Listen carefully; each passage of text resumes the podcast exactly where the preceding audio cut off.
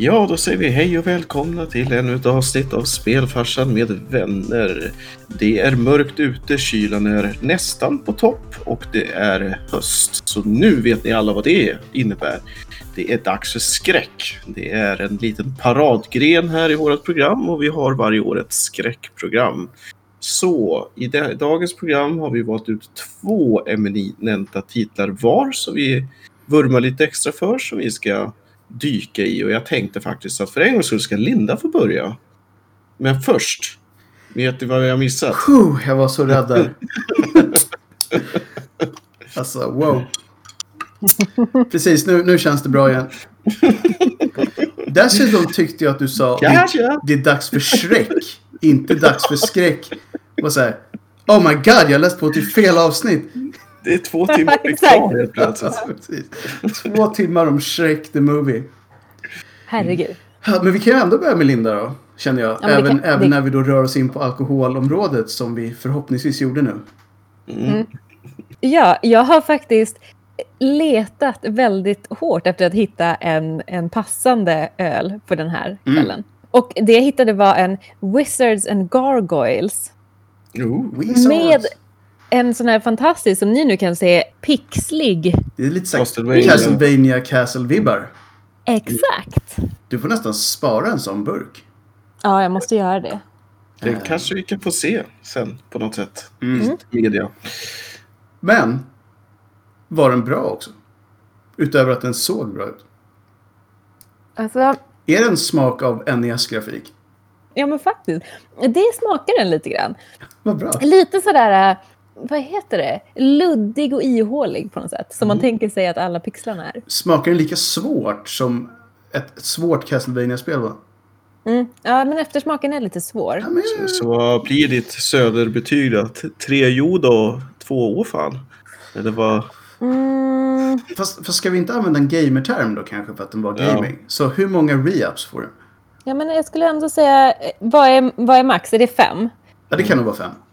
Mm, jag skulle ändå säga tre och en halv kanske för att jag älskar designen, namnet och jag älskar ena bryggeriet som har gjort den här. Mm. Men smaken, jag vet inte. Det, det är en hazy coffee IPA. Och right. eh, det är lite konstigt. Det... Men det är väldigt spännande och eh, kreativt. Känns det något kaffe alltså? Jag tänkte säga, ah. får man lite sådana så här, oj. Tog jag just kaffe? Mm. Oj, en liten latte här. Precis, en islatte. Gud vad konstigt. Så vi säger tre re-ups och en Super Mario-svamp. Mm. Mm, precis. Kan, kan vi enas om det? Mm. Ett, ett, extra liv. Ett extra liv, precis. Mm. Okej, jag känner att Oscar, du måste ju trumfa det här, eller? Mm, jag sitter med en Hobgoblin. Vilket också är... känns väldigt gaming. Mm. Lite mer D&D i och för sig, men, men sure. Exakt. Det är mycket, det är Wizards också. Jag menar, jag håller ju Lindas spår här lite grann. Mm -hmm, och... mm -hmm. det, det är en bra etikett. Den måste man gilla. Mm. Så att jag känner mig lite som den fattiga kusinen från Frankrike med tanke på att jag har vin även idag. Mm. Men till mitt försvar så har jag inget försvar. Men vin är ju en, det funkar ju till allt. Det funkar ju till en mysig skräckfilm. Det, det, det. funkar till en, eh, en god maträtt. Mm. Det funkar alltid. Och i många skräckfilmer så dricker de faktiskt vin vid något tillfälle. Ja, det är faktiskt. Så att jag har ju det going för mig. Det enda tillfälle jag kan tänka mig det är så här, vin i bastun känns inte så där Nej, nej, jag håller med dig. Den är svår. Speciellt nej, när man ska du... snärta alla andra med det där riset. Mm. Eller har jag missförstått det? det oh la la, alltså bara, ja, ja, kanske. Det är därför jag aldrig får vara kvar i bastun.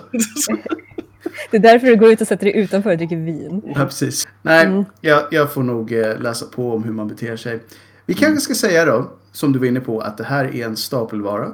Vi gör ett skräckavsnitt varje år. Och jag tror vi försöker tajma oktober så, så gott det går, när vi kan. För oktober betyder ju skräck på alla möjliga sätt. Vi har ju Halloween den 31, är ju det va? Mm. Men vi har ju också allhelgona för att vara lite mer så här Sverige för tusan. Så det är mycket skräck. Och folk brukar spela ganska mycket skräckspel under den här månaden. Allt känns ganska bra att en gång per år känna lite på skräckådran och se vad som hänt. Och förr har vi brukat göra så att vi har gått igenom spel som är nya för året. Men vi släppte lite på de reglerna i år och tänkte mer att vi kan ta upp saker som har hänt, absolut. Men vi kan också ta upp spel som vi verkligen, verkligen gillar inom genren. och nördar ner oss lite om. Och det har slutat med, som sagt, vi har två spel var. Och vi kommer gå två varv runt helt enkelt och prata om dem. Och sen har vi förhoppningsvis fyllt det här avsnittet och om jag gissar rätt så kommer vi ha gjort det. Det brukar inte vara något större problem. Och som en liten reality check, det här är vårt fjärde skräckprogram. På två år, bara wow. ja, exakt. Tids, tidsräkning. är lite- Men vill man också veta mer om vad Alla helgona är för något så har jag för mig att vi gick djupare in på det i förra avsnittet. Det gjorde vi. Så dyk i arkivet. Ja, men... Äh, äh, Linda, kom igen. Du får börja. Shoot. Ska jag börja? Yes. Okej. Då ska jag börja med att gå emot reglerna helt och hållet. Wow! Okej. Ja. För det här är ett spel som faktiskt är nytt. Och det är också ett spel som jag inte vurmar för alls. Eh, Tyvärr. Nu blir det Men, men låt mig berätta. do tell. Kommer ni ihåg, kommer ni ihåg 2010 när Deadly Premonition släpptes? Ah, ah, jo. Det var ju ett av de konstigaste spelen som fanns egentligen. Väldigt excentriskt och väldigt magiskt. Och det byggde ju på ett, eh, ett, upp- ett, eh, spel som faktiskt aldrig publicerades som hette Rainy Woods. Och det handlade om FBI-agenten Francis York Morgan som skulle utreda ett mord på en ung kvinna som hade så lite ritualistiska heter det så, Ja, drag. Helt klart. Och det som var så speciellt med han Francis York Morgan det är att han är extremt underlig. Och Han eh, är han, super weird. det, var- alltså, det är så konstigt, men eh, så härligt. Och Han, han betedde sig jättedåligt mot den här lokalbefolkningen. Och det som framförallt var konstigt med honom det var att han pratade med någon som han kallade Zack hela tiden. Mhm. Och det kunde han ju göra när som helst. Mitt när folk pratade så bara eh, Zack, så... Eh, och så rapporterade han liksom tillbaka. Japp. Och det var ju... Eh, jag älskade ju det här spelet väldigt mycket. Man kanske ska säga så här att folk har med tiden gjort det lite av en kultklassiker. Det, det Ja, fick inte men- alls bra reviews när det kom ut, men det har typ växt med tiden. Ja, och, och jag tror att det det berodde på var ju att det var så quirky. Mm. För allting var ju ganska dåligt med det egentligen. De brukar ju säga so bad it's good. eh, när, Ja, när det gäller det här spelet. Jag håller helt med. Det är jättekul Ja. att spela, men det, jag kan inte påstå att det är bra någonstans. Nej, det är det inte det. Och det är därför det är bra. Skitbra. Ja, det var verkligen så. Japp. Men nu i somras, Nu. jag tror att det var någon gång i juli, Japp. så var det ju dags för uppföljaren. Japp. Deadly Premonition to A Blessing in the Skies. Mm. Väldigt disguised.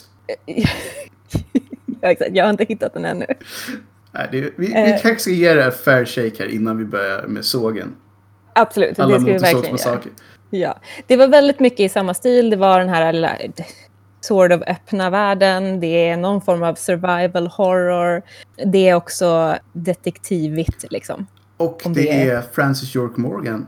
Morgan back again, som man säger. Fast bara delvis. Det exakt, bara delvis. För att, eh, Han har ju en kumpan den här Han- gången.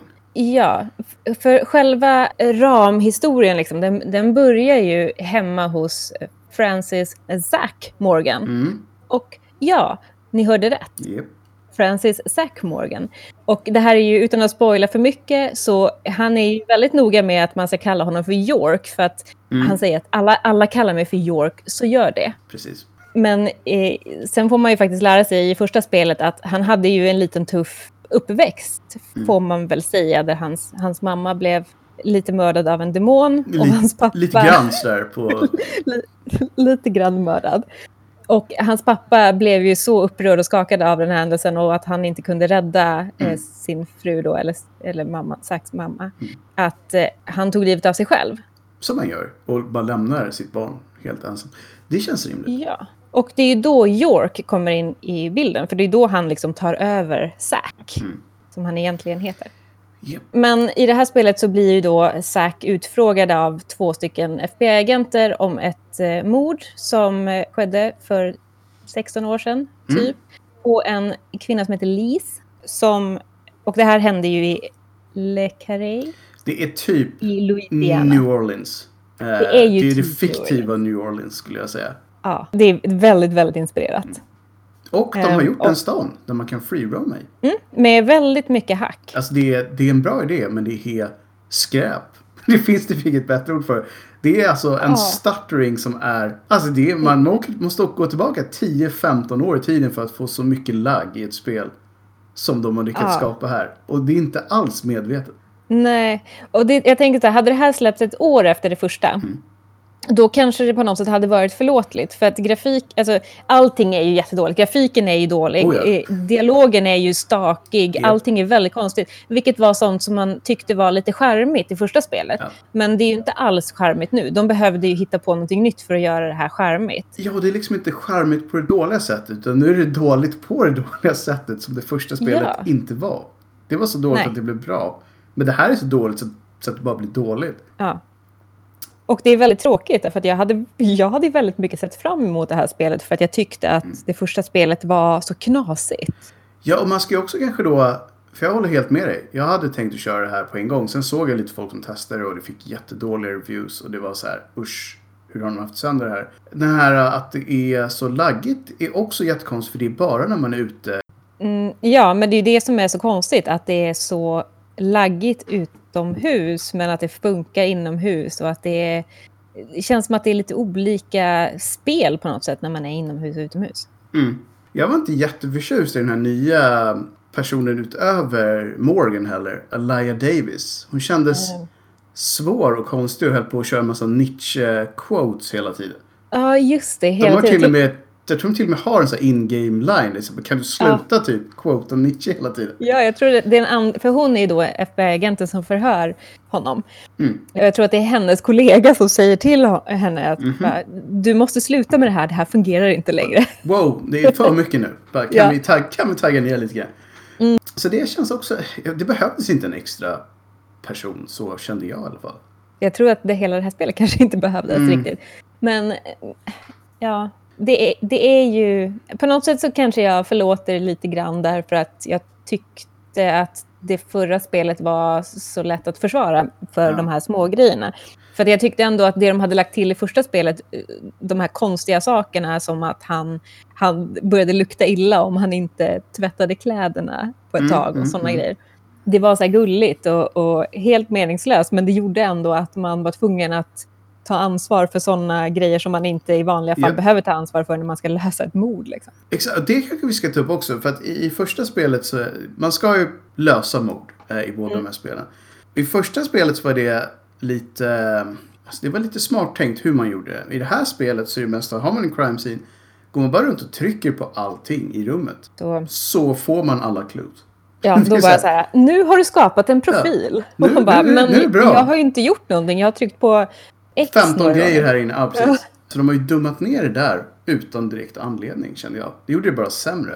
Ja, för det finns ju ingen anledning, för jag tycker ändå att spel har ju blivit mer och mer så komplicerade och kräver lite mer av, av Ja. sina liksom, spelare, så det finns ingen anledning att dra ner de grejerna igen. Nej, det har ju gått tillbaka lite åt det hållet, vilket vi gillar. Så, så här Mm. kom det och bara, nej, låt det, låt det vara enkelt och dumt. Ja. Sen så var det tydligen också, till skillnad från första spelet så kan man alltså inte ändra på kontrollerna till inverted om man vill det. Så konstigt. Det har de tagit bort, fast det var i första Ja. Okej. Så ni har gått tillbaka i tiden och blivit sämre. Och sen är också, kanske man ser, det här spelet kanske inte hade bra fighting-mekanik i första heller. Nej. Men det här spelet har typ skandalusel. Ja, Eh, fienderna är extremt dumma, alltså AI och sådär. Den står bara still. Och de tål nästan ingenting, så det blir inte läskigt heller. Mm. Så att det känns som det är mycket saker som hade kunnat behövas en liten, Remake. tillbaka, en liten, ja men nästan en remake. Eller typ bara, har vi ens tänkt på det här på rätt sätt?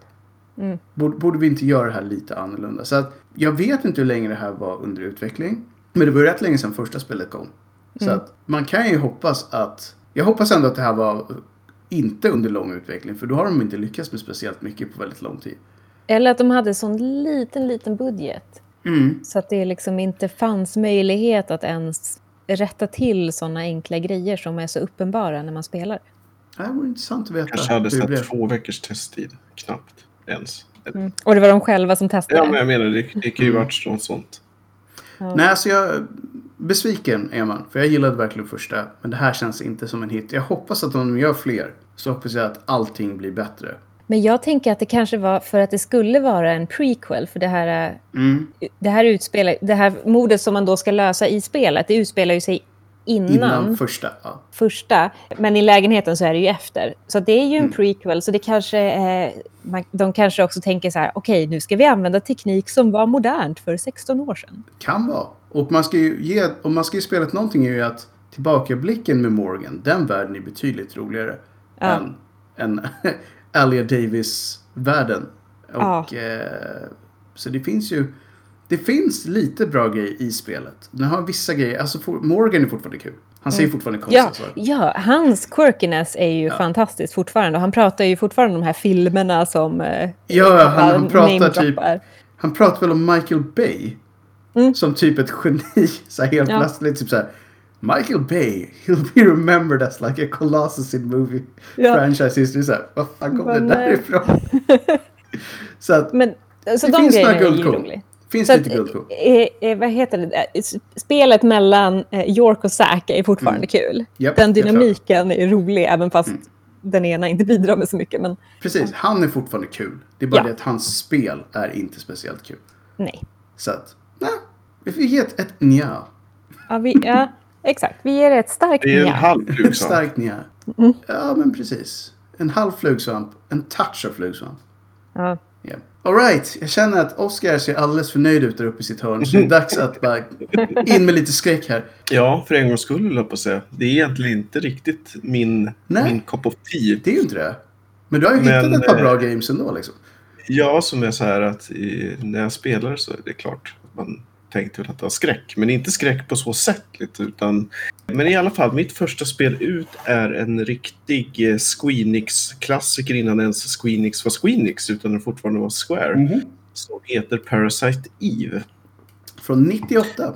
Jajamän, och det är ingen mindre än den berömda Takashi som är producent utav det som även gjorde Chrono Trigger till exempel. Japp. Och även en hel del andra kända titlar. Så att det här var ju under den här perioden när allt de rörde vid blev guld. Ungefär i alla fall. Mm. Eh, Lite samma som Rare då. Men eh, det som är lite speciellt med det här spelet det är, eh, det är att det är baserat på en novell. Mm. Så det finns en bok som är, då, heter också Parasite Eve. Mm. Som är eh, skriven av en japansk författare som heter Hidekai kanske? Sena? Japp. Jag ska inte ta gift på det, men i alla fall. Och det är en klassisk um, horror, um, slemmig, liksom japansk eh, skräck helt enkelt. Mm. Den har allting Eh. utom tentakler, underligt nog. Ja, i princip har den väl kanske en tentakel också. Det beror lite Mayhem. på hur man, hur, man tolkar det. Det är i alla fall lite av en prequel till det här spelet, skulle man kunna säga. Exakt. Och eh, det som är lite speciellt med det här spelet det är ju att det är för att vara Square och speciellt under den här tiden. Det är att istället för den här turbaserade ATB-systemet som man haft i tidigare spel så är det mer free roaming. Man, man har fortfarande i princip en mätare som fylls upp, man springer runt och sen kan man pausa. Ungefär som har blivit med populärt i Squares nya spel i princip, eller Squeenix. Att man fyller på en ATB, man gör saker och sen så kan man då exekvera det. Men då, i och med att det här är ett modernt, alltså det är satt i New York av med en poliskvinna som heter Aya Brea som är eh, då konstapel så använder ju hon sig av skjutvapen när hon attackerar. Mm. Det finns en liten fiffig mekanik i det här spelet som är ganska unik och det är att vapnet har en range som beskrivs av en dome. Så att när man går in i attack mode då ser man ifall man kommer nå eller träffa då Mm. fienden man ska attackera. Och om det är nära kanten utav domen så gör man mindre skada. Så att det är som att kulan faller av, lite, Mm. lite enkelt förklarat. Så att eh, det här var ju rätt mycket nya grepp för Square överlag att göra ett sånt här spel då. Mm. Och för att ta då backstoryn då lite kort så är det så att eh, denna Aya och hans, hennes eh, kollega Daniel Dollis de är på en operakonsert i, eh, i New York på Manhattan. Och helt plötsligt då så är det Melissa Paris som är huvudaktrisen i det hela. Hon sätter helt sonikt eld på sina med mm, skådespelers, Mm. och skådespelerskor. Så folk börjar brinna lite hejvilt i hela då ensemblen och i publiken och så vidare. Det blir total kaos. Och i, eh, vet Aya som är um, polis, hon försöker göra någonting åt det här så att hon beger sig upp på scen för att uh, försöka helt enkelt gripa då den här kvinnan. Då, men eh, hon får i princip bara ett eh, svar att eh, du, eh, du är speciell. Du borde tänka på att din kropp inte är riktigt mogen för det här ännu men eh, det här är, du borde inte försöka stoppa det här helt enkelt. Därefter så förvandlas denna Melissa Paris till ett monster och försvinner iväg helt enkelt. Yep. Så det är liksom upptrappningen. Så att det man kan säga att det, det som är skräcken till stor del i det här om man jämför då mot när folk blir zombier och så, det är att folk kan, om de kommer i kontakt med den här äh, monstret eller äh, då onda personen i hela, det är att det, man pratar om celler i kroppen som eh, om man får tillräckligt mycket energi i dem så börjar de brinna vilket får då kroppen att ta eld. Ja. Om man kommer för nära. Så att det här leder upp då till en ganska klassisk, för det är en noir-historia i det hela också, att eh, de eh, stöter på en eh, forskare som heter Dr. Clamp som sägs ha lite info om det här då.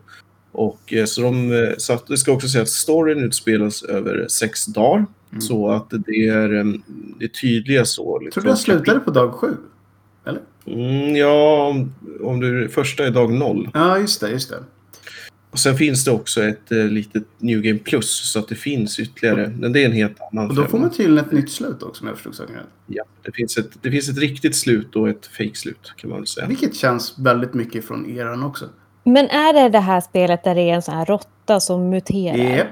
Yep, Ah, yep. okej. Ja, den kommer jag, just den scenen kommer jag ihåg. Jag har ju inte spelat det här spelet själv, men, men jag kommer ihåg den här Mm. äckliga råttan. Alltså det som är lite coolt med det här spelet är att den på något sätt var lite, inte före sin tid, men den hade till exempel en kvinnlig huvudkaraktär, vilket inte var supervanligt just då.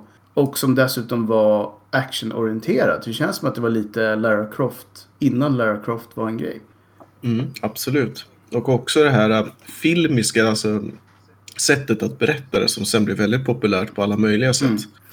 Så att det var många nya stilgrepp i det hela. Jag tycker också att den har vissa vibbar från Resident Evil när det gäller hela virusgrejen, onda liksom, läkare som har gjort konstiga experiment. Mm. Så, eller så kanske man ska säga att det är kanske mer en japansk grej än en Resident Evil-grej. Men jag tycker att de temana kommer tillbaka i ganska många av deras skräckfranchise. Mm. Men det känns ändå som en lite udda fågel för att vara Square.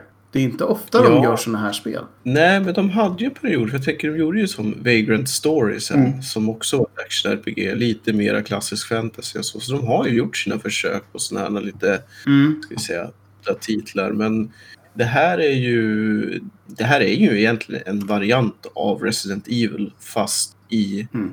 eh, light eh, square-tappning. För att det ska sägas att det är väldigt linjärt, det har inte särskilt mycket RPG-element. Det skulle lika gärna, förutom de här, ska vi kalla det turbaserade striderna, Mm.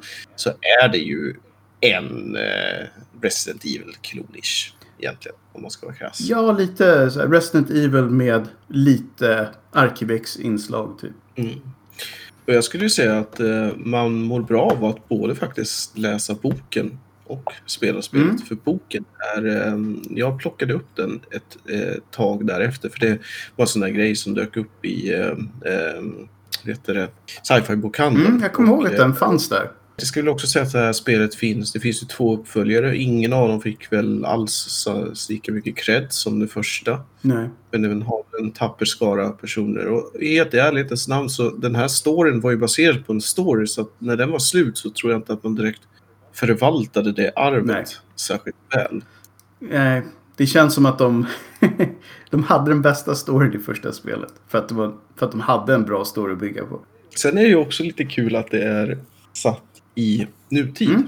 I New York och inte i någon alternativ stad, värld eller liknande. Nej, de har ju till och med en liten japansk gäst som kommer över för att berätta om den liknande händelsen som hände i Japan som är Mm. händelsen från boken. Så det är lite meta där. Precis, precis. Eh, Det kom ju en Madea som eh, dyker upp när Manhattan, för när det väl smäller då så e- evakuerar de ju Manhattan men han lyckas fly in eller kommer in snarare. Och han är ju den Dr. Light i det hela Typ- så att typ säga. så.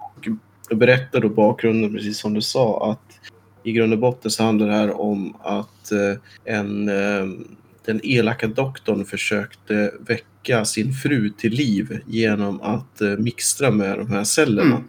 Och det är därifrån som liksom det hela Det, tar sitt det är mycket Det känns ju ändå som en klassisk story på Ja, men det är ju det. Och se liksom tillbakablickar till konstiga operationer som utfördes på huvudpersonen och hennes Ja, döda men- syster. Precis. Vi ska inte kanske spoila ännu mer. Men det är konstiga experiment, ondskefulla doktorer och även då eh, målet för skurken är i vanlig ordning att liksom föda fram the ultimate evil fast i Mm.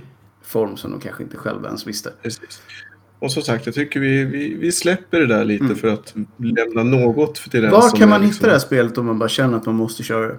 Oh, det har funnits på Playstation Online som en sån här emulatorklassiker. Mm. Jag vet, jag är helt säker på att det går att plocka upp. Eh, Sen finns det ju säkert, hur ska vi säga, Andra sätt att köra en koppling bort. Mm. Men eh, det, det är fullt möjligt att det finns fortfarande kvar i någon sån online. Mm. Som sagt, det, jag skulle säga att jag kommer ihåg när det här spelet alltså, dök upp. Jag tyckte det såg himla häftigt ut och lite annorlunda, men jag körde aldrig. Tror jag jag kollat på lite videocontent kring det, men eh, det hade varit kul att se. Det här är ett av de få spelen som jag skulle säga att jag hade nog kört om det hade funnits en remake av det. Eller en, ja en remake, inte en reimagining, för jag tycker nog att innehållet känns fortfarande bra. Men en, en, En remaster. en remaster hade varit ganska sweet. Jag, man kan ju tycka att de borde vara i... Alltså nu med tanke på att skräck har kommit tillbaka på senare år så känns det ju som att... Och även noir är, är hett. Så att... Kanske. Det var väl lite det att de brände sig väl lite på att uh, uppföljarna gick sådär. Mm. Men eh, Men det är just det, vill man göra en, en, en remaster så har man ju bara eh, liksom... Då behöver man inte riskera så mycket. i och med att det fortfarande är en del i tiden Mm. med alla dessa remasters så skulle det inte vara jättekonstigt kanske om det skulle kunna hända. Nej, det kan hända. Let's see. Hur många, mm, hur många svampar liksom? Ja, alltså för om man ska ta det som ett rollspel från Square så är det väl typ två och en halv kanske. Mm. Men om vi struntar i hela den och bara ser det som ett spel från tiden så skulle jag nog säga tre och en halv, fyra ish i alla Det är bra. fall. Alltså just att det var så speciellt Mm. och att det var stilbildande och allt vad det nu är. Så, eh, så, så som ett sådant spelsätt så, det, så får det ett ganska högt Mm. betyg. Nej, jag skulle nog hålla med. Det, det känns som ett, en solid titel som Mm. fortfarande skulle kunna gå att göra liksom ett bra spel av om man vill även nu. Mm. Alright, är det, är, det, är det dags för mig att, att analysera svamp? Höll jag på att säga. Men det Mm. lätt Ja, konstigt. exakt. Det är väldigt Fall spännande det här. Fall Guys är ju otroligt eh, läskigt när man trillar av kanten på en plattform. Okej, kanske inte. Men det, men det är roligt. Let's not kid ourselves. Jag har valt ett nytt spel och ett spel som är ganska nytt. Så att jag har ju inte gått tillbaka så långt. Men jag tänkte man kan ju börja med ett spel som är, vad ska man säga? Det är alltid so hot right now för det bygger på Lovecraft. Och den mannen är alltid typ lite inne känns som. Ehm, och det här spelet heter då The Sinking City. Och det fick väl, när det kom ut så fick det ganska blandad kritik. För att det var ganska många som tyckte att de fick till spelvärlden.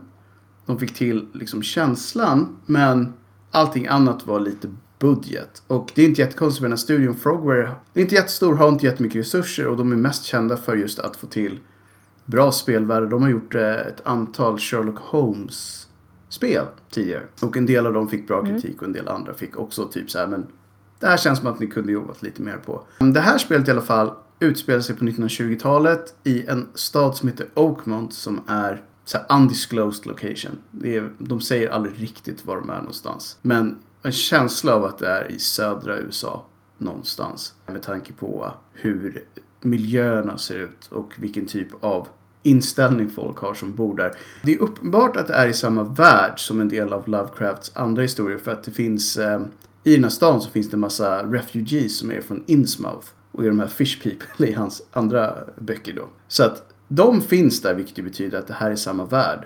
Um, och vad ska man säga, det, det, pitchen är egentligen att den här personen som han spelar heter Charles Reed. Han har varit i flottan som dykare och har sen blivit en privat detektiv och han har börjat få massa så här sjuka visioner. Kan inte sova längre och eh, mår överlag väldigt dåligt och känner att han dras till Oakmont av någon anledning.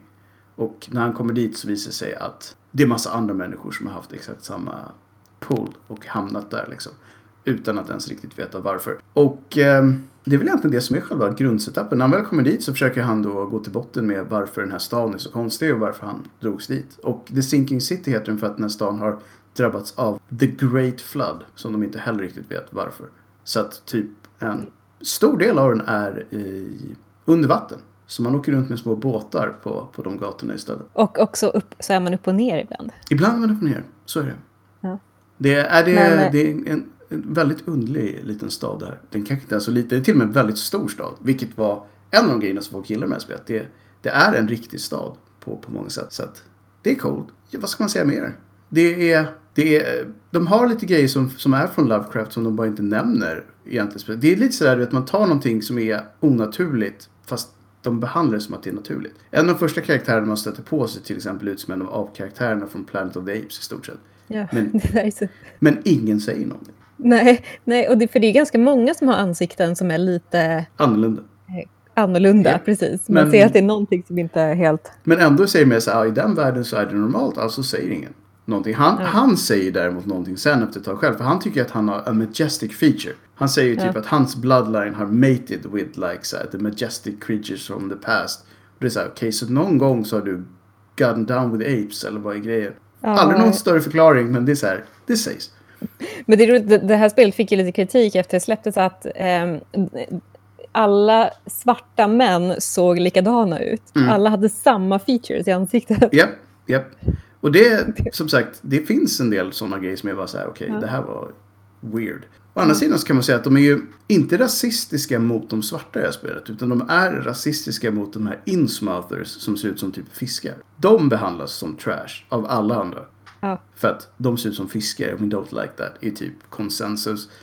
Ehm, men det här spelet är egentligen i grund och botten ett detektivspel med actioninslag skulle jag kunna säga. För man är ju där som en private eye och ska ta reda på varför man är där. Men man löser också massa riktiga brott som olika personer i den här världen vill att man ska lösa. För att då kanske få en bättre ställning i stan och få mer vänner som kan hjälpa en att ta reda på det man är där för att lösa själv. Och fighting-systemet är ju det som inte funkar så bra i det här spelet. Nej, Utan det, nej det är väldigt, basic. väldigt Väldigt Ja. basic. Jag gillar liksom hur de har gjort det. Man kan ju bygga sin egen ammunition. Det finns massa olika vapen. Men liksom, sikte är inte jättebra. Folk tål underligt mycket. Vapnen känns inte riktigt som de gör så mycket skada. Och det, Så så här, det känns som att det är tungt när man ska styra. allt. Japp, japp. Så att det kan kännas som att hade de velat ha den biten i, och det har de ju uppenbarligen valt, så hade de kanske kunnat lägga lite mer arbete på att balansera den. Mm. Däremot så finns det ju i, om man ska då försvara det här på något sätt, så finns det ju, om man spelar tror jag på lägre svårigheter tror jag inte man behöver fightas alls. Till exempel. Utan då är det story-based. Mm. Så det kan ju vara så att någon tänkt så här, ah, vi behöver lite action också. Men en sak som jag inte riktigt har förstått med det här spelet, är det så att det är lite de val man gör eller saker man löser, att det liksom lite grann påverkar hur Mm. spelet slutar sen, Det, eller? det är absolut. Det finns eh, åtminstone två väldigt olika slut som man kan ta. Mm. Och många val har en direkt påverkan på, på världen. Vi kan ta ett exempel utan att förstöra så mycket eftersom det är väldigt tidigt i spelet. Letar efter- en expedition som har åkt ner på botten av havet för att ta reda på varför The Great Flood hände. Och när man väl hittar dem så har de blivit helt skogstokiga hela bunden. Och då har man ett ganska enkelt val att säga okej de här är galna. Vill du rädda dem eller vill du inte rädda dem? För att vill du rädda dem så kommer du ta upp ett gäng galna människor som kanske kan sprida det här vidare. Men å andra sidan så är de ju oskyldiga människor som bara råkat bli sjuka. Ja eller nej? Så att det är mycket sådana val som är grå. Och det är väl Ja. lite det som är liksom den här uh, Charles Reed. Det är också en ganska grå karaktär som han är en private eye och jobbar för en del ljusskygga personer. Det enda liksom, regeln han har är att han dödar inte folk åt kunder. Men allt annat känns det som att han är okej med att åtminstone prata om. Lite grann som i Pretty Woman när hon säger så här, när han frågar what do you do? Och hon bara everything but kiss on the mouth. Typ så. Typ så. Och har man en insmouther så bara no, no så här. Definitely not. Du, jag åt sushi igår. Woo! Nej, så att jag ska inte säga så mycket mer om själva storyn för att den är väldigt story-driven det här spelet. Och tar man bort storyn så är det ganska, ja inte lite kvar för, för som sagt världen är välgjord. Men det finns inte så mycket annat i det. Så att gillar man Lovecraft, gillar man konstiga okulta grejer i en 1920-talsmiljö nere i södra USA så är det här definitivt värt att testa i alla fall. Och Mm. eh, tror inte att det är superdyrt heller. Så att det är inte så att man spräcker bankkontot om man vill testa det. Nej. Ja. Och det är, det är väldigt fint, det är det. Det är väldigt bra miljöer. Det, det får, jag ändå, får jag ändå ge det. Om vi Och pratar, 1920-talet är ju, det är någonting med 1920-talets spel som gör det väldigt så här. det är någonting som funkar. Och Ja, titta bara på Mafia Definitive Edition som Mm. kom ut alldeles nyligen. Ja, Precis, det är, det är ju 1920-1930. Så det, är samma, det, det finns en anledning till att det gör så pass många spel i just den eran. Ja. Man, man gillar hur saker ser ut. Det var liksom innan saker blev modernt, men det fanns vissa moderna saker. Så att det finns bilar, det finns motorbåtar, men folk går fortfarande omkring i en tre-piece suit liksom. Så att, eh, nej, om vi ska prata svamp då, så skulle jag nog säga att det blir tre svampar fast på kanske den något svagare sidan när det gäller den sista. Det beror helt på om man gillar den här stan skulle jag säga. Gillar man stan så skulle jag nog kanske till och med säga att det är en, att det är en trea rakt av. Den är en så stor del av upplevelsen. Så att, ja. The Sinking City. Lovecraft skulle kanske varit nöjd. We'll never know. Vi, vi får aldrig veta, men hans, Precis. hans värld utnyttjas. Ja. Oh ja. Japp, då är vi inne på varv två. Ja, va? Mhm. Är det min tur? Det är ju det. Gud, spännande. Visst är Okej. det. Mm. Så det här andra spelet som jag har valt är ett spel som både är gammalt och inte ännu finns. Det, jag tror att det släpptes i Early Access i slutet på 2018 och det befinner sig fortfarande i Early Access. Mm. Till många stora förtret. Men spelet heter Visage, Japp. tror jag man säger. Japp. Det, det betyder anlete typ på svenska. Mm. Det är exakt det det är. Det, är, det finns ingen jättebra översättning. Nej, och det är ett väldigt mörkt spel och det börjar så extremt mörkt. Och man, det man ser är, det är ett bord och så ligger det en revolver på det här bordet och så ser man två händer från uppifrån som att det är ens egna händer. Och så tar man revolvern och så laddar man den med massor av kulor. Och sen reser man sig mödosamt från stolen man sitter på och sen skjuter man ihjäl två personer som sitter fastbundna på varsin stol och skriker under munkavle. Det är en stark början. Ja, verkligen. Då är man så här, gud, jag vill, vill jag, vad, vad kommer jag vara i det här spelet? Precis. Jag hoppas inte jag var den som sköt de här. Exakt, och sen bara, oh, ja det var ju det. Ja. Men sen, sen kommer man ut i ett hus och det är ju i, i det här huset då som hela, hela spelet i princip utspelar sig. Mm. Och det känns ju väldigt mycket PT och eh, alla som har lyssnat många gånger vet ju att PT är ju så mycket mys Mm. så att det är liksom, So good. ja. De brukar ju säga att det här spelet inte är arvtagare men är väldigt inspirerat av PT. Och PT har ju blivit en kultklassiker eftersom den försvann snabbt och lustigt innan det blev så Ja. mycket där. Och de PS4-konsolerna som har kvar PT på det har sålts för 7-8 tusen kronor. Många pengar. Bara för att liksom det finns där. Jag tror Ja. senast det var så här 700-800 dollar som det gick för. Så att, bara för att få chansen att spela det igen. Så att de brukar kalla det här spelet för The Spooky House Game.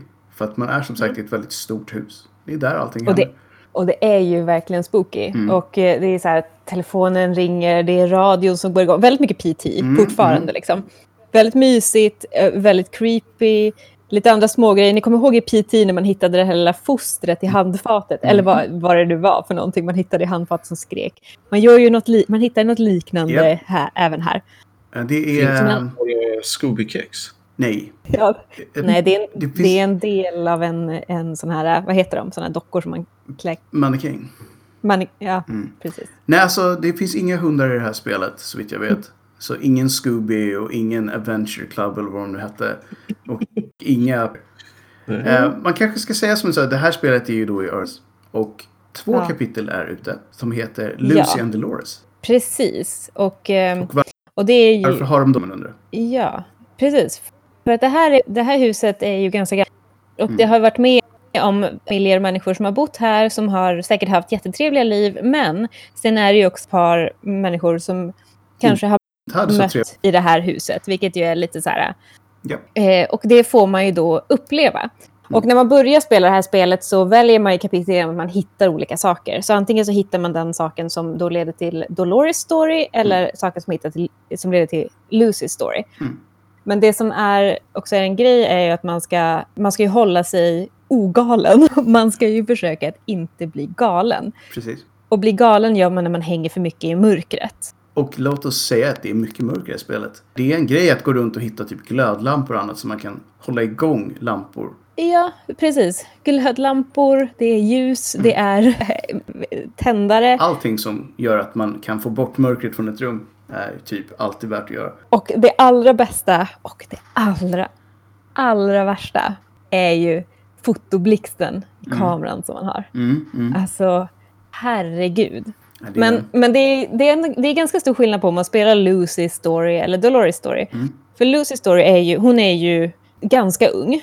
Och hon är ju rädd för Boogeyman. Så att i, det här, i, i hennes story så är det ju Boogeyman som är lite läskig. Mm. Och han har ju, dels har han tagit bort så här, alla lysknappar i hela huset. Så man kan liksom Japp. inte... Och det är ju också. Och hennes story är ju då lite mindre pusselfokuserad. Mm. Men den är mycket mer scary. Alltså den här Boogeyman, han är inte rolig Nej. alls. Han är väldigt läskig. Han, han, är, han är liksom definitionen av nu blir det onajs. Ja, alltså det finns ju ett, ett, ehm, ett litet avsnitt i spelet när man kommer in. Man hittar hennes trädkoja. Mm. Det ser väldigt gulligt ut. Det är liksom så nallebjörnar i olika färger som ligger där. Och så är det lite teckningar som hon har ritat eh, där det står Lucy. på- Och, det är så här. och sen är det en radio där. Och så helt plötsligt så blir det liksom mörkt och det känns som att det, det blinkar någonstans lite ljus. Och sen så säger den här radiorösten Get rid of Lucy. Get rid of Lucy. Japp, japp, japp. Och man blir så här, bara, oh shit, vad, ska, vad är det som, hur, vem är det som? Och då vill man ju veta, liksom, vad är backstoryn till, vad är det som har hänt? Liksom? De har ju gjort, eh, just när vi pratar om backstoryn, så har de gömt backstoryn i huset på många sätt. Mm. Alltså det är det, lite som PT var också väldigt mycket på det sättet att man hade, vad hette hon, Linda som följde efter det. Eller vad hon Ja. hette, eller Lucy eller vad var det? Något sånt. Ett L-namn var det i alla fall. Och Ja. det enda man fick förklarat var egentligen, nej hon hatar dig och följer efter dig. Ja. Men anledningen fick man aldrig reda på. Det var, bara, det var bara ett faktum i det spelet att hon kommer förfölja dig hela tiden. Det här spelet är mycket, mycket mer förklarande om man letar efter saker. Man kan hitta information kring personerna som har bott här, eventuellt vad som hände med dem och varför de manifesterar fortfarande i det här huset. Då. Så att det finns lore om man letar efter det. Och en av de lite häftiga grejerna i det här spelet är också att inte alla spöken är onda. Du kan göra tjänster åt dem, du kan förstå dem lite mer varför de gör det de gör. Så det är lite mera, det är inte genom evil på det sättet som PT var. Nej, nej, det är det inte. Men det är lika genom scary. Det är det, oh ja. Eh, eftersom men- man vet ju aldrig liksom, när de ska vara det ena eller det andra. Så man kan inte lita Nej. på någon eller någonting. Utan det är så här, Nej. man måste alltid vara på tårna. Och man vet inte när de dyker upp. Nej. Oh no. Det är ju så hemskt. Men Lucy's story är lite kortare då, så om man, om man vill spela den, jag tror att den är så här två, två och en halv Mm, timme mm. kanske lång. Där, men Dolores story är ju lite längre, kanske tre gånger så lång. Mm. Eller något åt det hållet. Och det, den är ju mer Mm. scary. Liksom. Japp. Det, det är ju läskigt. Och man, man förflyttar sig genom speglar och det är en gammal kvinna som är Japp. Det finns, monstret. Och det är också... finns en del scareness bara i det faktumet att det är så. Och så kan jag säga också som i Peter, det är säkert lite att man ser ofta saker i typ konstiga vinklar. Om man kollar upp till exempel i taket, precis som i PT, så kanske man ser ett spöke där. Som Ja. bara står i typ ett hörn, gör ingenting och sen försvinner. Och det kan vara liksom att man ser en dörr stängas någonstans, man kanske anar sig till saker. Det är mycket sådana grejer där man bara Ja. blir iakttagen. Och där man bara är liksom konstant på sin vakt. Mm. Men, men det är ingenting som egentligen kanske är farligt där då. Ja, precis. man, De flesta- de, de bygger upp känslan väldigt Ja. mycket. Det är inte ens jättemycket jump scares i det spelet. Det är mer en, liksom en krypande liksom, skräckgrej. Ja, den värsta sorten. Mm. Liksom. The worst. Eller den härligaste. Det beror på hur man ser det. Men the, the worst and the best. Ja. Typ så. Nej, men, och, det, och det är väldigt bra ljud tycker jag. Mm. Och ibland så är till och med avsaknaden av ljud, alltså tystnaden, är ju läskig nog i det här spelet. Verkligen, verkligen. Men som sagt, det kommer komma två kapitel till. Så att man kan ju komma Ja. tillbaka till det här sen när vi har hela spelet. Men, men än så länge har de lyckats väldigt bra med det jag tror att de ville få ut. Verkligen. Och jag tror att till och med de, de har sagt hösten 2020, så det borde ju ligga runt hörnet. Mm, mm. Det, det är bara Men- att hoppas att de kan hålla tidsramen nu under covid-tider. Men Mm. det Men borde de vara göra? på gång med mer. Ja, precis. Det borde vara på gång med mer. Ja. Så att, ja, hur många, hur många svampar? Alltså det här får, för att vara early access och man har lite förväntningar och det här är ändå ett, ett spel som verkligen får en att känna den här riktiga skräcken känslan. Så är det, det, är alltså, det är ju fyra, tror Ja, jag. skulle jag skulle nog. Ja. Antingen liksom fyra lite mindre svampar eller tre riktigt maffiga svampar. ja, precis. Jag skulle ändå säga fyra mindre svampar helt klart. Som Ja. inte har hela än. Nej, precis. Så jag hoppas stenhårt på att de två nya kapitlen också blir lika. Mm. Lika, Lika lika annorlunda som, som de tidigare varit och lika scary. Det vore kul. Ja. Alright, då är det dags för rotation nummer två av spelfarsen. Välkommen upp till Plärta. Ja, välkommen in i Välkommen, spelet. välkommen in i arkadhallen som man säger. Ja, nu har jag då valt en lite nyare titel som snart dessutom kommer att få en uppföljare. Mm. Pratar vi om eh, Dying Light. Från Techland. Yes, från Techland med Warner Brothers som utgivare. 2015 kom det ut va? Jajamän. Och Shit, eh, det känns inte alls som det var så länge nej, jag vet det mycket väl för jag... Ska vi se, det kom ut den 28 januari. Det innebär... Nej, det var OS6. Nu ska vi se, 15 december kom det ut. Ja. Nej, det är precis. För att jag, för min son föddes den 18 december. Så att jag började spela det typ där någonstans. Men eh, eh, det här är ju egentligen en, det är en klassisk zombie-lir med mycket parkour och en del utav Mirror's Edge-inslag i det hela. Man, man springer och hoppar mycket, använder grappling hooks. Eh, Det har det här, ska jag säga, tycker jag, lite fjantiga systemet med förstörbara vapen så du kan plocka upp Mm. i princip vad som helst. Och det är så här, varför går en stålbalk sönder när du har slagit med den 80 gånger? Ganska snabbt också.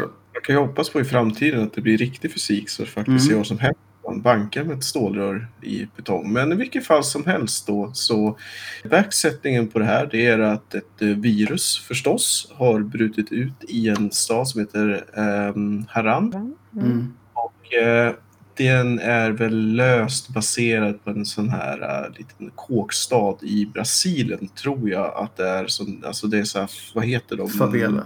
Favelas.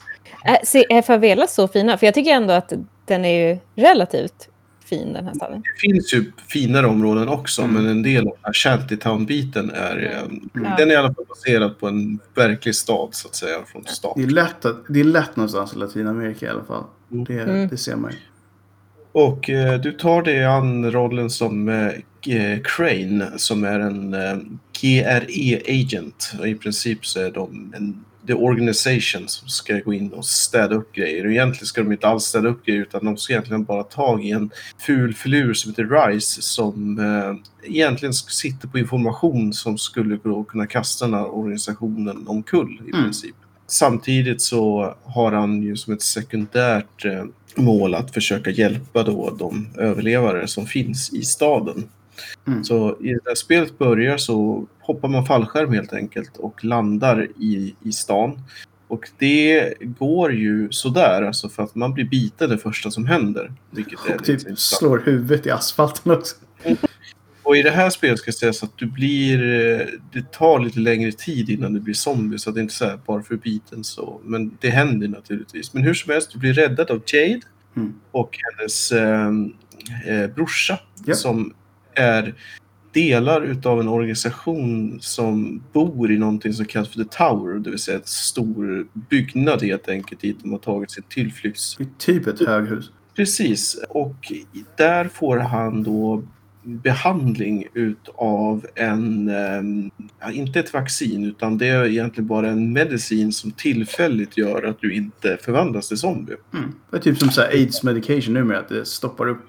Precis, en bromsmedicin. Ja. Så, och den här medicinen är ju förstås hårdvaluta i den här stan. Mm. Och eh, första uppgiften blir att man ska gå och plocka upp det här. Men eh, för att ge en liten bit in i storyn så är det så att G, eh, GRE är ju mer intresserad av att man ska få tag i den här RISE. Mm.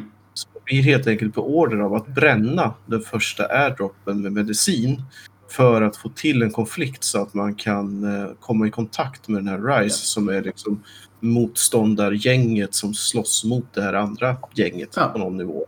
Man är bad guy i det hela. Så därifrån så sätts ju liksom den här eh, konflikten då kan man väl säga mellan de rivaliserande gängen plus den här organisationen som egentligen bara vill lägga locket på och eh, helst av allt så vill de ju utplåna hela den här stan Alltså- med en smaskig bomb. Det är ju typ Umbrella Corporation. Fast inte... Det var det jag tänkte hela tiden. Fast under annat namn. Eh, Lite speciellt i spelet är ju att den har en dygncykel. Så på dagen så är zombierna ganska menlösa. Mm. De klättrar inte, de hoppar knappt och de rör sig De är väldigt slöa liksom. Men när det blir natt så är det en helt annan femma. Då kan de klättra och hoppa och flyga ungefär som man själv kan göra med de bästa parkour-mosen i princip. Precis. Eh, Och då ska också sägas då att det finns ju ett levelsystem i det här så att kan, tar man död på zombier på natten så får man mycket mer XP. Mm. Och man levlar olika saker. Så du levlar styrka, uthållighet, flexibilitet etc. etc. Så att eh, du kan balansera på hur mycket skada du ska göra kontra hur fort du ska göra Mm. och vilka så här parkour-moves som du ska tillgängliggöra dig kan man väl säga. Mm. Sen finns det förstås lite så här, precis lite GTA-anda. Det finns lite sidouppdrag. Du kan raida vet du, köpcenter, plocka upp extra förnödenheter, hitta coola vapen. Finns det sånt här äh, typiskt Diablo-tänk med äh, gråa till legendary weapons, olika durabilities etc. etc, etc. Mm. Men kort och gott så, alltså, det är en ganska unik, eh, själva stan är rätt mysig Mm. och det är en, ehm, Relativt bra story också tycker jag. precis. Värt att spela skulle jag säga fortfarande. Helt klart. Speciellt kanske nu med tanke på att uppföljaren är på gång. Mm. Och eh, om jag minns rätt så fick ju även uppföljaren väldigt bra, alltså bara på så här E ET, E3 Awards och massa sådana Mm, saker. mm. Så ganska hypat eh, Oh ja. eh. Jag tror att det, är, det, det finns nog en, en community kring Dying Light. Det, det är jag rätt säker på. Det finns ett DLC också ju, ja, till det första som expanderar storyn lite Och då är grann. man utanför stan i en, en by har jag för mig. Eh, Så man får Exakt. se lite mer av världen runt omkring. Det är ganska karaktärsdrivet så att det, det är lite kul också. Hur Men många... visst är det, är det inte det här spelet man kan spela som monster också i någon form av så här, Nej. co-op? Nej. Nej. Nej, du kan spela co-op men inte... Mm. Eller det, är Sven, det kanske finns ett sånt co Du kanske har rätt Jag förresten. tänkte ju säga det, jag hade för mig att det fanns något sånt. Jag är inte hundra procent. Jag, Jag, nej, inte jag heller. Men jag för mig att det var Dying Light. Men det kan ha varit något annat spel också. Ja, jag ska inte svära på men jag vet att det finns co-op. vi återkommer helt enkelt med, den, med den lilla biten. Hur många svampar? Vi slänger till med fyra svaga i alla fall. Ja, men jag tycker nog nästan det också faktiskt. Att det, det känns som en fyra svaga. Mm. Och då utan DLC. Med DLC så är det fyra starka kanske. För det var ett ganska Ja. bra DLC för mig. Jo, Så att, som sagt, väl värt att spela i alla fall. oh ja, absolut. Då är vi faktiskt sjukt nog framme vid det sista spelet på dagens lista. Och eh, vi har inte jättemycket tid kvar så jag ska inte bre på supermycket. Speciellt eftersom det här spelet faktiskt inte har kommit ut än i sin fullständiga form. Men det heter i alla fall Song of Horror Complete Edition för att alla verkligen ska förstå att, att det är klart snart. Nu är det... Ja. Och eh, gjort av Protocol Games. Och det kom ut på PC den 31 oktober förra året. Men det har än så länge inte kommit ut i konsol. Utan det gör, eh, tja, vad blir det? Det är typ 29 oktober det här året. Så kommer hela paketet ut på... Alltså det är ju Konsol. så lagom till Halloween. Det är ju verkligen, det är ju nästan så att man tror att de kanske har planerat det. Eh. Mayhaps. Det här började i alla fall som en Kickstarter 2015 som inte gick igenom. Men de satte sig ner och började jobba med det i alla fall. Vilket man får säga att kudos för det. Ganska underlig pitch för det är nog det första spelet sedan Maniac Mansion där man har massa personer man kan spela som. Det är 11 stycken karaktärer i det här spelet just nu och de har sagt att de kommer lägga till fler. Huvudpersonen heter Daniel Neuer. Han är alltid huvudperson men det finns som sagt 10 personer till som man kan vara. Och pitchen är väl egentligen då att Daniel Neuer blir utskickad av publicistföretaget eller bokförläggaren som han är anställd av för att ta reda på vad som har hänt med en väldigt känd författare som de har under kontrakt som bara har försvunnit. Och man ska åka till hans hem för att ta reda på vad som har hänt då. Och när man väl då kommer dit och de, Till hans Hasher Mansion. Sebastian P. Hasher. Så att det är Hasher Mansion. Så att alltid en mansion i de här spelen. Och då är det egentligen helt enkelt så att man kommer in dit och det är ett sånt där ställe, det ser ut som att folk just har försvunnit. Men det är uppenbart att när man hittar mat och grejer att, att det har varit tomt under en längre tid. Och man hör en sång i det här huset. Och Man vet inte riktigt var den kommer ifrån, men det slutar med att man hittar en musicbox. Och det man inte vet är att har man väl hört den här musiken så är det i stort sett kört. Då får man aldrig ut den i huvudet och man har också tagit, blivit en av dem som ondskan i det här spelet, eh, som bara kallas The Presence, kommer förfölja tills den får det den vill ha. Och det den vill är att ha ihjäl alla som har lyssnat på den här musiken. Då. Det här spelet är lite häftigt på det sättet att man har inga vapen. Så att man kan inte försvara sig på ett annat sätt än att typ springa undan eller hålla sig undan. Och The Presence är väldigt, väldigt häftig för det är en inprogrammerad AI i det här spelet. Så att den beter sig helt olika hela tiden. Så det finns inget sätt att på förväg veta vad man kommer att ut för. Den kan köra helt olika saker. Och så finns det massa set pieces också där det kan hända saker. Man får en massa aktiva val som man kan ta. Typ, vill du göra det här, ja eller nej? En del av dem kanske är bra för du hittar grejer kanske om du stoppar ner handen i typ en, en, en hink med mörk vätska. Det kan också vara så att han, the presence, är där och bara dödar dig på en gång. Och vad ska man säga, det finns fem kapitel och de är på olika ställen.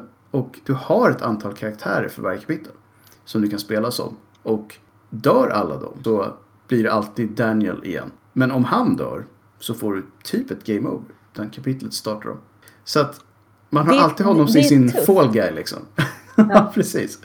Ja, nu pratar vi Fall Guys. Ja, precis. Fall guys kommer ändå in här på ett härligt sätt. Och eh, de har också gjort en mekanik att om du får de här personerna att överleva så kan de dyka upp som extra karaktärer i kapitel längre fram. Så du vill inte ha ihjäl de här människorna. Flesta av dem är faktiskt ganska så decent people också.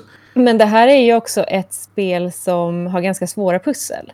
Väldigt svåra puss skulle jag säga. Vilket Ehm. jag tycker är så här, i kontrast till att, men det här kanske också gäller Resident Evil, så att inget ont om det här. Men det, det har ju väldigt svåra pussel. Mm. Samtidigt som så här, när man går runt och ska leta efter saker så blinkar det liksom till väldigt uppenbart Mm. att här ska du plocka upp en grej, här finns det någonting. Men sen kan du hålla på och lösa ett pussel i två dagar för att du bara, jag vet inte vad jag ska göra. Nej, det, är, det är old school på det sättet som många av de här skräckspelen var för att de hjälper inte dig. Jag gillar det på sätt och vis att det är så svårt. Ja. Speciellt eftersom man på sätt och vis kan se att man har typ tre eller fyra liv per kapitel. För man kan bränna igenom de här extra figurerna om man verkligen, verkligen vill. Om man måste. Jag kommer ihåg att det finns ju ett, en, ett litet avsnitt i, i det här spelet där det hänger så här massa snaror i taket. Japp, japp. Och det, det sjuka var att jag tänkte så här, gud vad irriterande det måste vara så många konstiga hål i det där taket. Hur ska de spackla igen det? Ja, Det är inte alltid logiskt. Nej. Det, det, det, det är det inte. Man inte ens, varför, varför hamnar jag i den tanken? Men det var någon slags... ibland måste man göra det. Även i så här game logic. är Så här, det här Där Jag vet det inte. Man kanske ska säga också att den har lite olika mekaniker för att eftersom den här The Presence då alltid kan typ gömma sig bakom en dörr. Öppnar man en dörr så, och den är där, då dör man. Och sättet då som de har gjort för att det här inte ska kännas för orättvist är att du faktiskt kan gå fram och lyssna genom saker. Så att om du gör det och du hör att det är någonting på andra sidan dörren så kan du då bara välja att inte öppna den dörren. Och då överlever. Så det är mycket sådana grejer. Eller att om du märker att någon att den försöker ta sig in genom en dörr då har man också möjligheten att kasta sig mot dörren och försöka hålla igen. Men gör det för tidigt så hinner du inte bygga upp så mycket styrka. Så då kanske du förlorar. Men om du låter mätaren gå upp till max, då vinner du antagligen, men då kan det vara för sent. Då har den kanske redan kommit in. Och alla de här karaktärerna har stats, vilket är lite ovanligt. Så att de klarar av de här äh, olika uppgifterna olika bra. Mm. Sånt är ju ganska kul. Mm. Och det blir också lite mer realistiskt om man återigen nu jämför då med kanske Resident Evil. Precis. Där man bara man springer genom korridoren för att kolla nästa dörr. Man Ja, ja, springer absolut. för att kolla nästa dörr. Det är kanske inte riktigt så man skulle ha gjort i verkligheten. Nej, de här människorna är vanliga människor. Och en, Ja. en del av dem är ganska, ganska average, skulle man kunna säga. Ja. Mm. Men i alla fall, det här spelet är ju eh, på gång nu. Så att man har chansen att vara med med hela paketet helt enkelt. Vilket är, eh, tror jag, en fördel. För att jag tror att det kan vara svårt att komma in i det igen. Om man måste vänta ett halvår i stöten liksom. Så att, ja, svampmässigt så eh, tror jag att de flesta skulle nog ge det tre nu. Men när man har kört igenom hela i en sittning så kanske man får ut mer av det. För då kanske man får de här karaktärerna att följa med hela vägen. Och det tror jag ger, Mm. ger mer då helt enkelt. Och sen tror jag att många också kommer, många som gillar alltså de här klassiska Resident Evil, Silent Hill, Amnesia, Alone Mm. alla, alla de spelen kommer nog uppskatta det här ganska mycket därför att Mm, det jag är tror ju också ett det. sånt spel. Det, det är ett psykologiskt spel på många sätt. Och beroende på vilka personer man har med sig så reagerar de också olika på omgivningarna. Så jag tror att ju fler du har med dig, desto mer info får du av spelet. Ja. Så att, ja, som sagt, tre just nu, men det kan bli mer snart. Sweet. Ja, då är det bara avrundningen kvar då. Ja, man ska väl kanske säga då att, som säga, vi kommer såklart tillbaka med mer nyheter. Antagligen nästa gång ni hör av oss. Ni kan hitta oss numera på Instagram. Mm. Vilket är trevligt. Där vi kommer försöka lägga upp lite, lite bilder som har att göra med det vi håller på med.